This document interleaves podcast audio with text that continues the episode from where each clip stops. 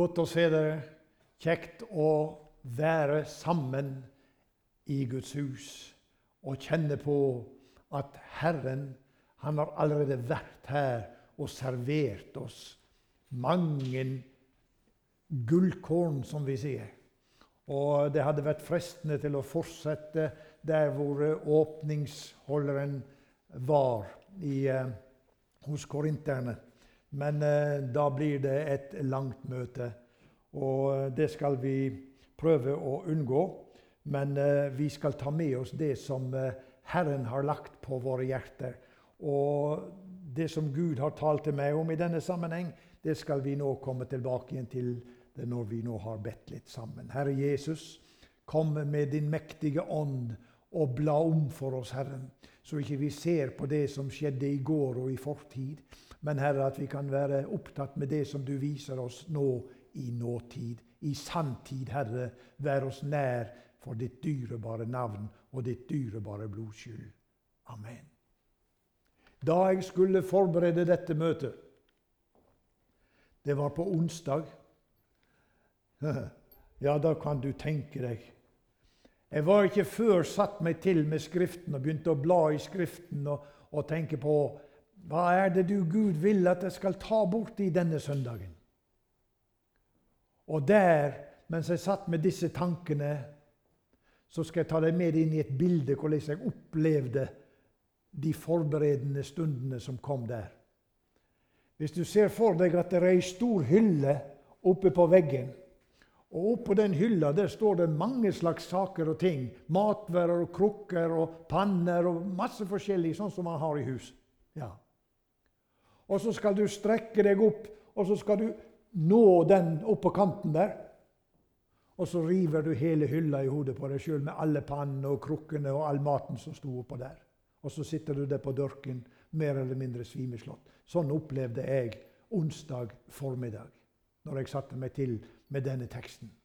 Men det som kom for meg, det er at når alt raser i sammen, så er det fremdeles en faktor som forblir som den har vært ifra tidenes morgen og til denne stund som vi er samla her. Guds mektige hånd er til stede, også når alt blir kaos. Når det blir jordskjelv i din verden, når det blir vulkanutbrudd og oversvømmelser og storm og orkaner og alt du kan tenke deg, så er Guds mektige hånd den samme. Det er utgangspunktet for denne teksten. Og vi er mange her som har opplevd både stormvær og tsunamier, men vi har også opplevd Guds mektige hånd. Og nettopp av den grunn er vi samlet her innunder Guds ord for oss å høre hva Herren har å si oss i dag. Var det meg og den teknikken. Ja. Der. Og det som vi kan tenke på, det er hva Gud gjorde i fordums tid. Og hva Gud gjør ved sin mektige hånd i nåtid.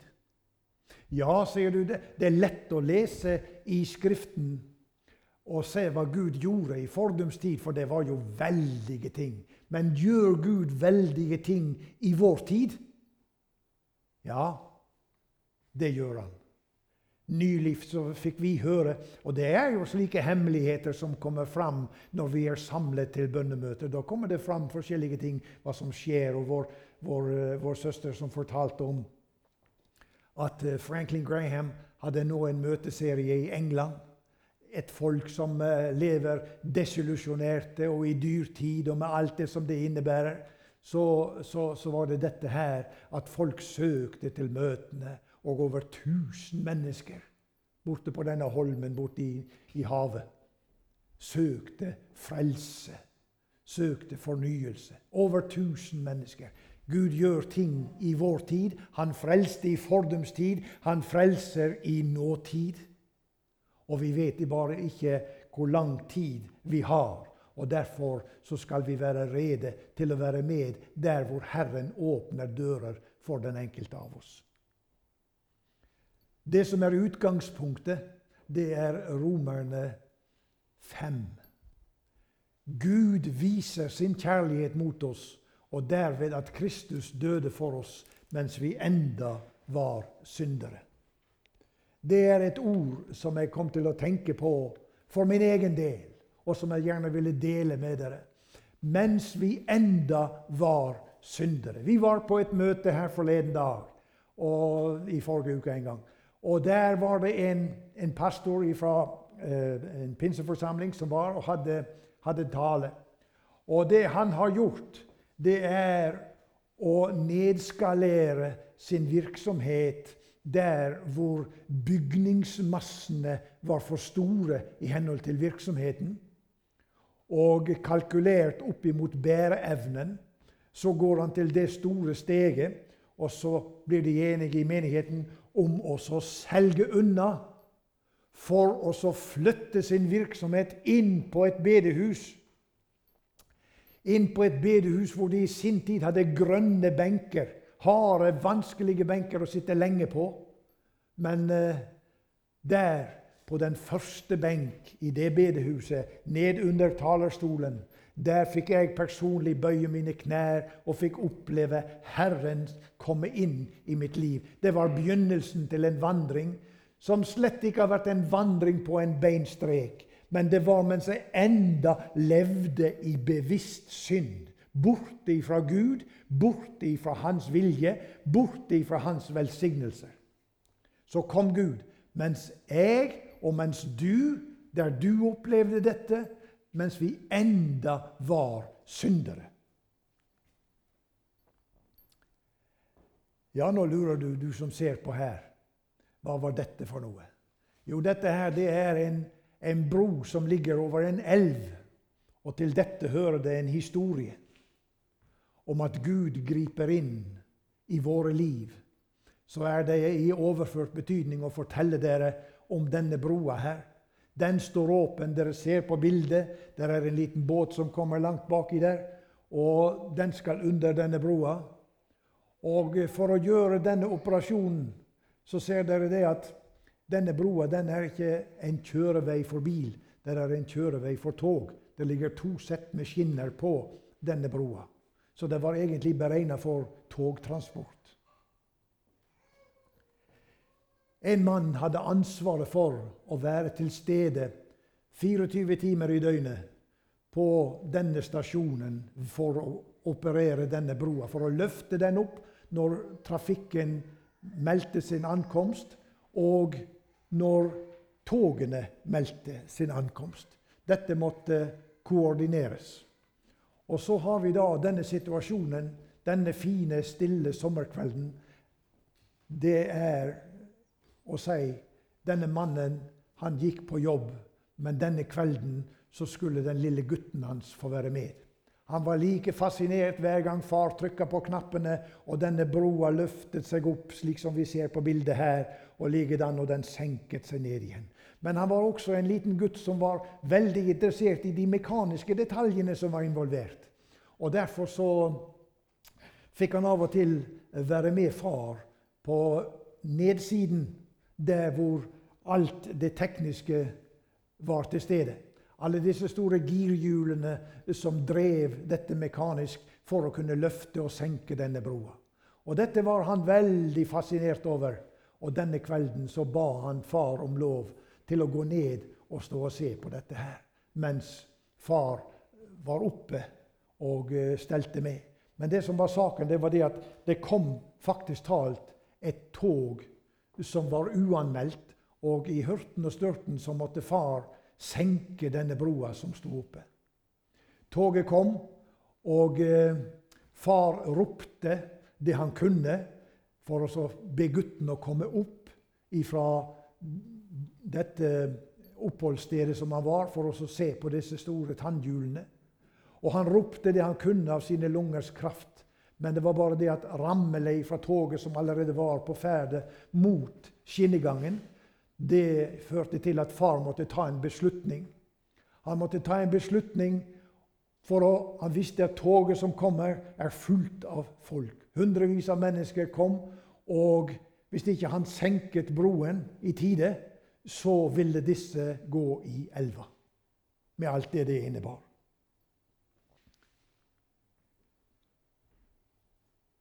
Sønnen hans ble ofret for at de som var på toget, skulle bli berga.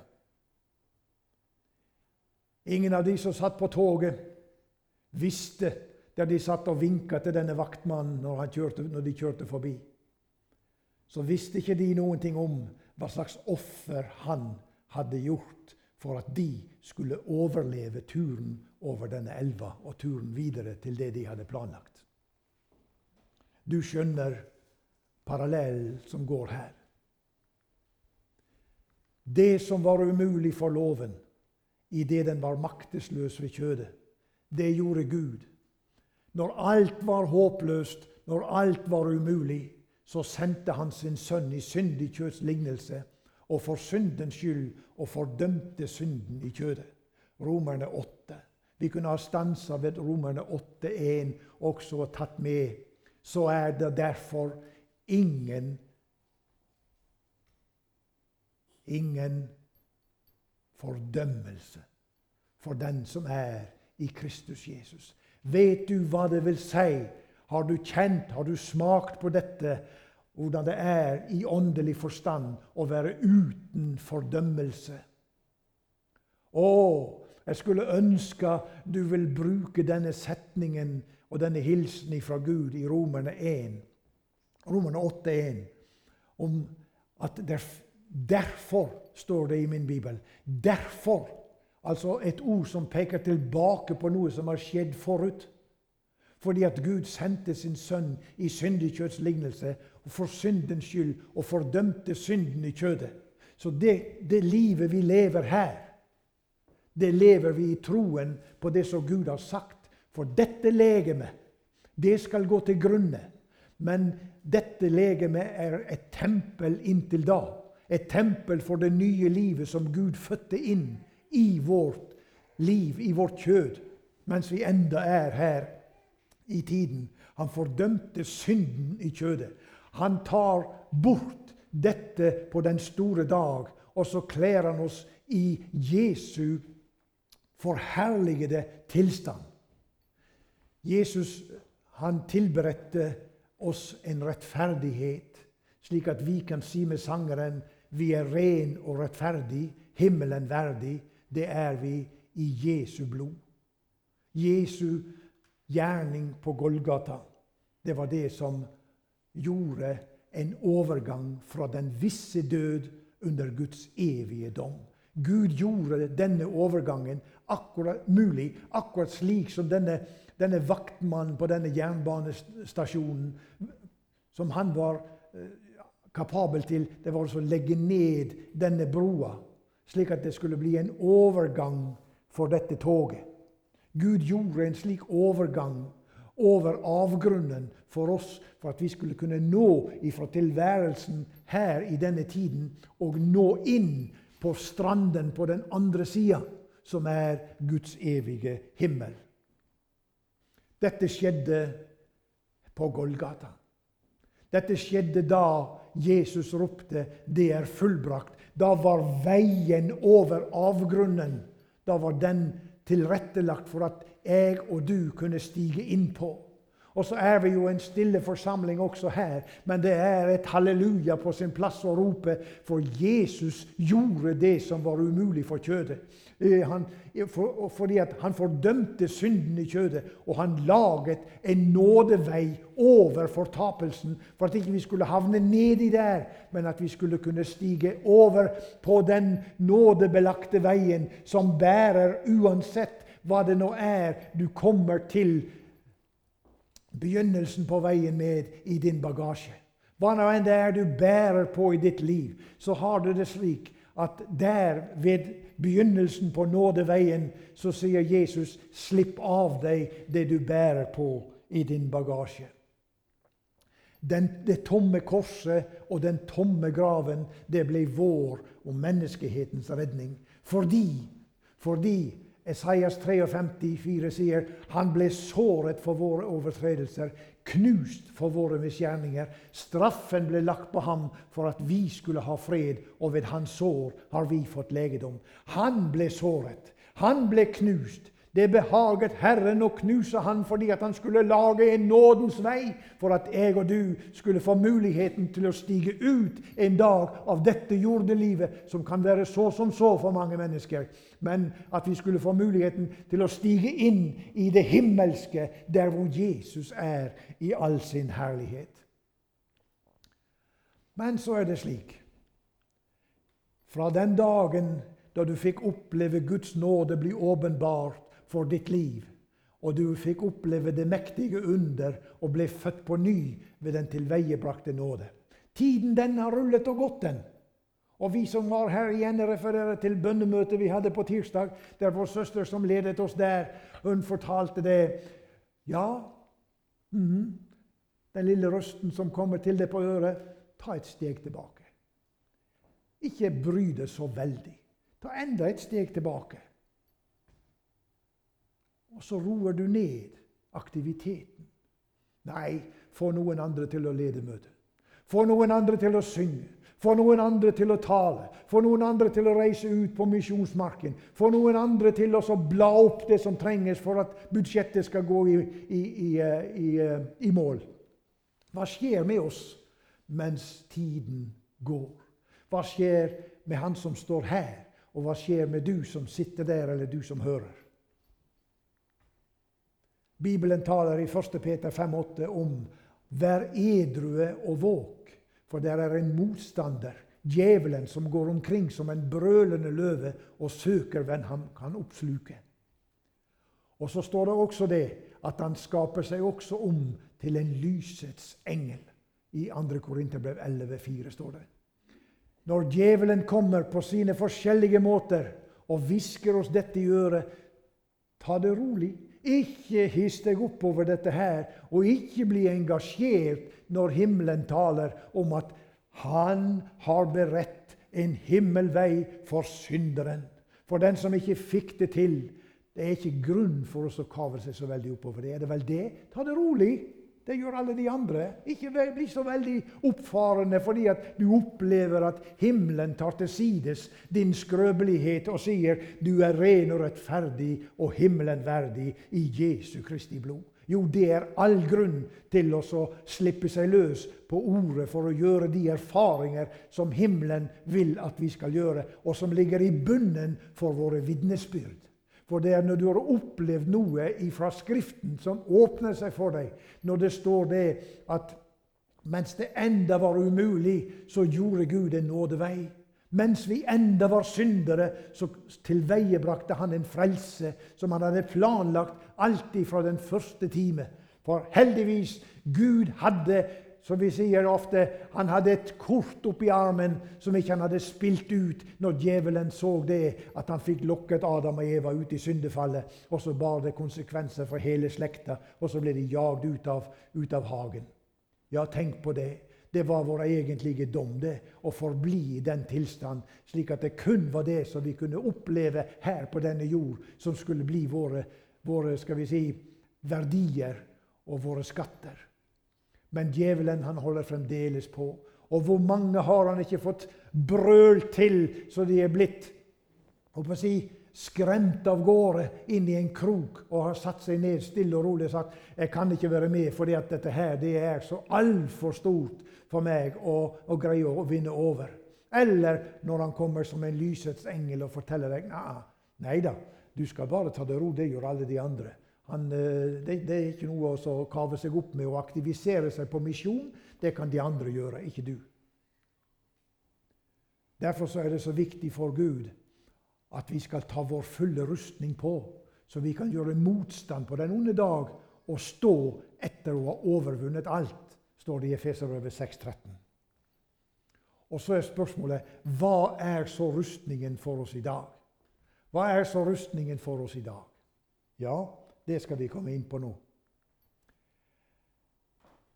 Dette skriftstedet fra 1. Samuel 23, vers 8 og 9 står så at Saul kalte alt folket sammen til strid og ville dra ned til Keila for å kringsette David og hans menn.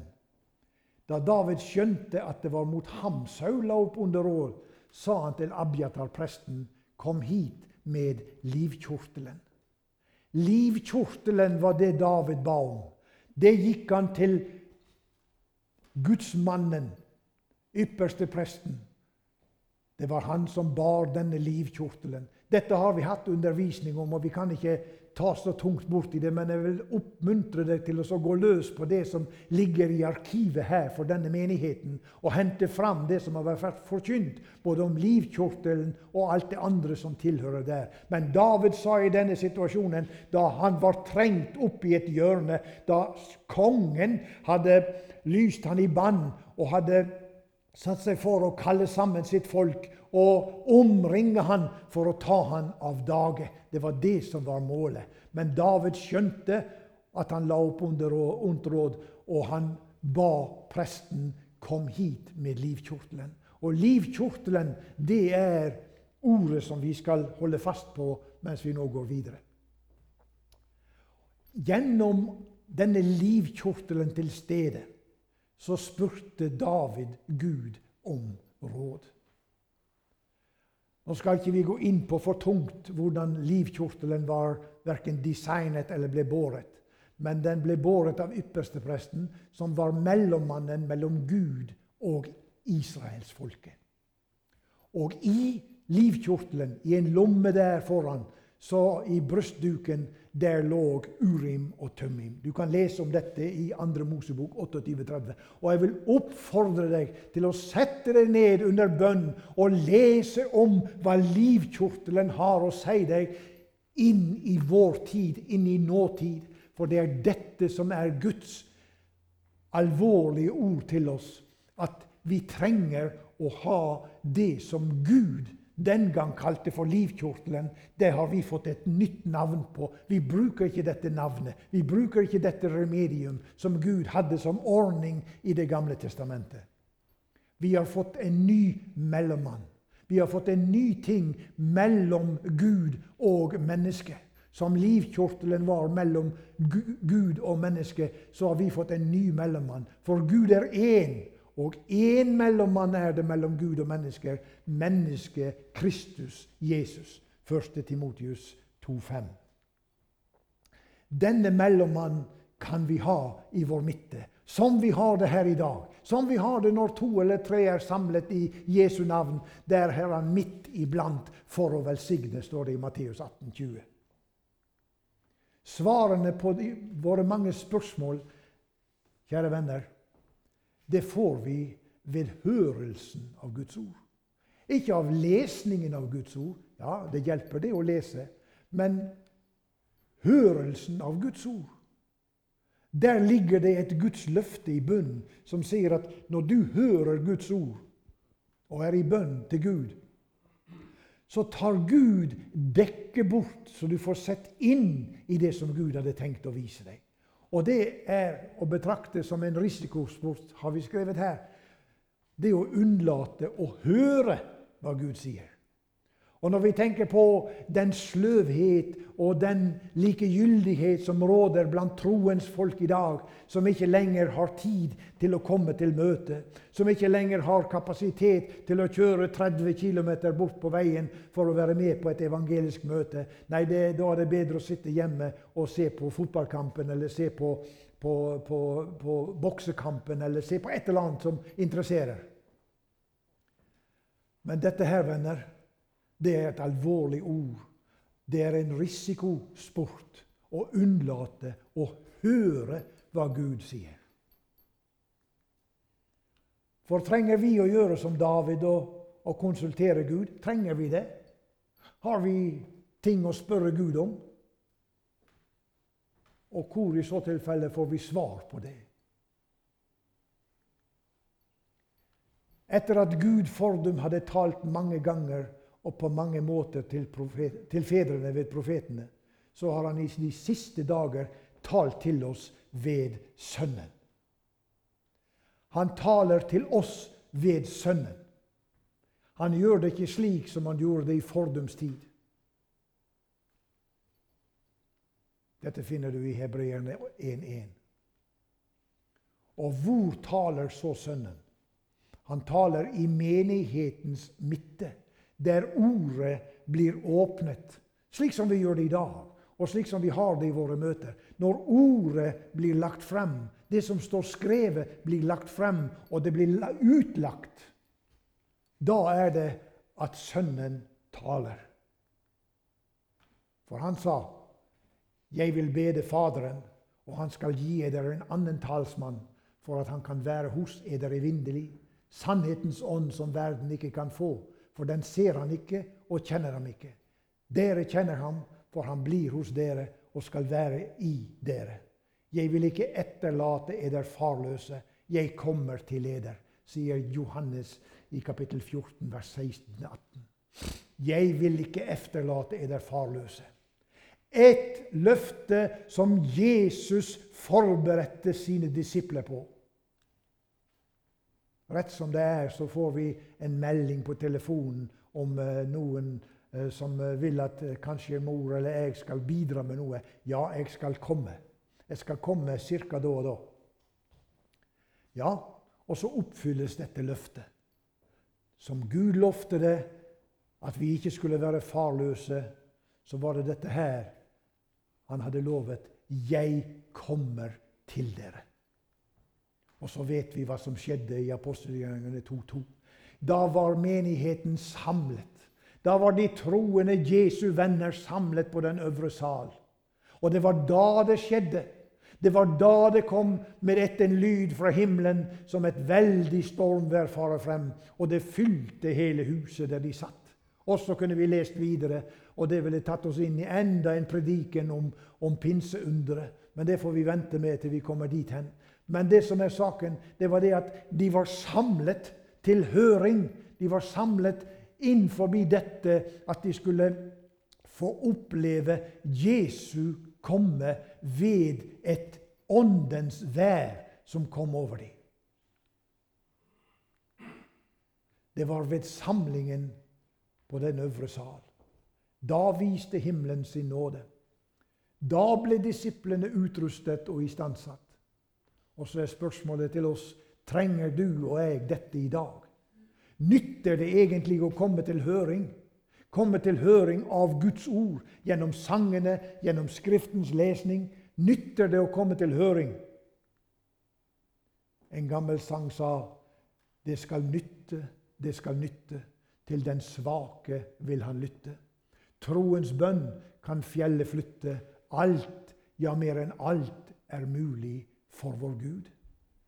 Og så er det et skriftsted fra Esaias som jeg har lyst til å sitere til dere. Jeg har skatter for deg gjemt på hemmelige steder i mørket. Det er én ting vi mennesker ikke kan leve foruten, og det er vann. Mat kan vi greie oss med i det uendelige. Og mange har måttet spist mangt og mye rart opp gjennom tidene for å få noe i magen. Men vann det er vi nødt til å ha fatt i på en eller annen måte. Tidlig i gutteårene så lærte jeg noe om hvor viktig det var. For det banket på døra. Dette var før vi hadde telefoner installert i, i alle hjem med fastlinje og en liten gråtass som sto på, på gangbordet. Nei, da kom det mennesker og banket på døra. Og ut gikk far for å se hvem var det som kom. Jo da, det var en i nabobygda kanskje som, som sa det at Du, jeg har planer om å få vann til huset. Vann for å drikke, vann for å lage mat osv. osv. For far hadde en gave. Far kunne finne vann han hadde en svoger som var i motsatt ende av tauet. Ja. Så når far sa 'vi skal gå, vi kommer i morgen', og så skal vi se hva som er mulig Og mannen gikk glad og fornøyd hjem igjen, og jeg ser det for meg. Han heter Nils, denne gamle mannen. Og jeg ser han for meg, for dette prosjektet var jeg med på ifra det begynte på dette nivået, og til det sto ferdig. Og oppi, fjell, oppi en fjellskråning, en ganske skarp fjellskråning på ca. 45 grader, der var det at far gikk hen og skar en kvist Det som vi kaller for en ønskekvist. Ja, det brukte han. Og Så gikk han bortover med denne ønskekvisten foran seg og så sa han, 'Nå må du følge med, sønn. Nå må du følge med, for nå ser du noe som ikke du kan forklare med ord.' Og Så gikk han med denne kvisten bortover, og så begynte kvisten å bøye seg. og så bøyde Han greide ikke å holde med hendene sine. Og så sa han, 'Nå kan du få prøve', sa han. Og Så viste han meg, og så opplevde jeg akkurat det samme. At når jeg kom over der hvor det var vann i bakken, der så, så greide ikke jeg å holde denne kvisten. Og vi vridde av barken på veden fordi at det var så sterke krefter i sving. Og han andre som var med han og opererte dette her opplegget, han sa Oppe i fjellsida her skulle det være muligheter for å lage en brønn her. Nei, nei, nei, nei. Nei, nei, nei. Dette er nok en, en feilslått strategi. Vi må finne en plass ned i dalen, ikke langt oppe i fjellsida. Og så er det at far er påståelig og sier det. Jo da, jeg skal gå en krysspeiling, sa han. Slik at vi vet nøyaktig at vi er rett på der hvor disse vannådrene nede i bakken i fjellet eh, var. Der skulle han da finne en krysspeiling, slik at han kunne si 'Her lager vi brønn'. Og så sa han det til denne gamle mannen. 'Hvis du vil ha vann, så er det her vi må, vi må lage brønn'. Ja, sa den gamle mannen. 'Det vet du best om', sa han. Så det må bli som du. Men hvis ikke du finner vann, sa han, så får du heller ikke betalt. Det var hårde bud. Det var ikke noe forhandlingsgrunnlag å gå videre på det. Hvis du finner vann, så skal du få betalt. Det var to menn til med på dette opplegget for å finne vann. Jeg som liten gutt ble kranfører som greide å sette fingrene inn i, i vinsjen og knekke fingrene. Det var jo den ene sida av det. Men det andre det var det at de to, når de hadde båret og sprengt, så viste det seg at det var ingen gravemaskin eller noe annet som sto på kanten. Nei, det var å finne fram grapse og brett. Og de fikk hver en ny grapse og hver sitt nytt grapsebrett, disse to som var med. Ja, jeg ser de for meg. Tiden er gått, men jeg ser de for meg, og jeg tar tiden til å fortelle denne beretningen. Og de grov av de store steinene og alt og begynte å grave fram til de kom ned på det fjellet. Og så bårte de igjen, og så skjøt de igjen. Og så gikk de ned en ca. fire meter ned i, i hole fjellet. Og når de begynte å komme nedover der, så begynte det å bli mye vann. For de var kommet ned, og de hadde fått åpne fjellet for dette her. Og når den nye grafsa som de hadde fått, som var stor og fin, når de var ferdig med å grave opp steinmassene der, ca. 30 kubikk med fjell. Så var den store grafsa, som var ny og fin, den var omtrent på størrelse med ei teskje. Så mye arbeid var det å grave opp disse steinmassene. Fylle de opp i en balje. Jeg vinsja de opp og svingte det ut og fikk tømt denne baljen og fikk den ned igjen. Og det gikk timevis med arbeid på svetten. Hvorfor forteller jeg denne fortellingen? Det er ikke til å komme forbi noe annet å si enn at det ble rikelig med vann både til ett og flere hus, fordi at det var noen som var villig til å stige ut på denne uortodokse måten å finne vann på. Det var ikke noen annen muligheter i den tiden. Og Derfor så var det noen som vågde seg frampå med å si 'Her er en kilde. Den kan du få av.' Her er en kilde.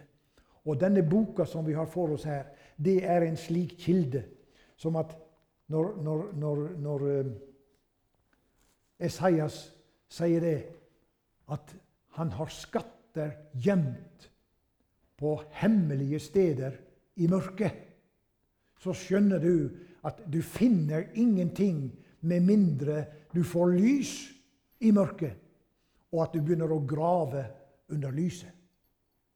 Da finner du skattene som er gjemt i denne boka.